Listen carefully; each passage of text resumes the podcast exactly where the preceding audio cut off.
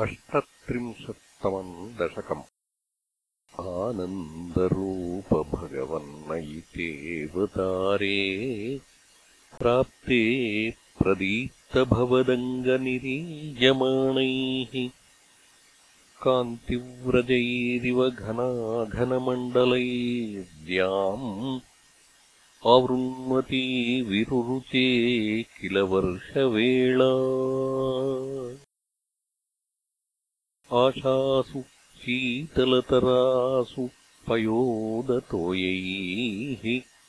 आशासिताप्तिविवशेषु च सज्जनेषु नैशाकरोदयविधौ निशि मध्यमायाम् क्लेशापहस्त्रिजगताम् त्वमिहाविरासीः बाल्यस्पृशापि वपुषादधुषा विभूतिः उद्यत्किरीटकटकाङ्गदहारभासा शङ्खारिवारिजगदापरिभासितेन मेघासितेन परिलेसितसूतिगेः वक्षस्थली सुखनिलीनविलासि लक्ष्मीमन्दाक्ष लक्षितकटाक्षविमोक्षभेदैः तन्मन्दिरस्य खलकंसकृतामलक्ष्मीम् उन्मार्जयन्निव वासुदेव। शौरिस्तु धीरमुनिमण्डलचेतसोऽपि दूरस्थितम् वपुरुदीक्ष्य निजेक्षणाभ्याम्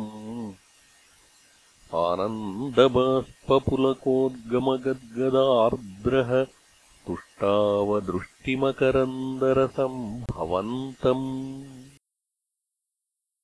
देव प्रसीद परपूरुष तापवल्ली निर्लूनदात्र समनेत्र कलाविलासिन्।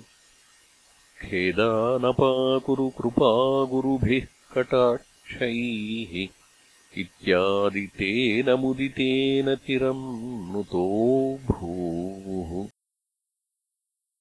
मात्रा च नेत्रसलिलास्तृतगात्रवल्या स्तोत्रैरभिष्टुतगुणः करुणालयस्त्वम् प्राचीनजन्मयुगळम् प्रतिबोध्यताभ्याम् मातुर्गिरा दधिथ मानुषबालवेशम्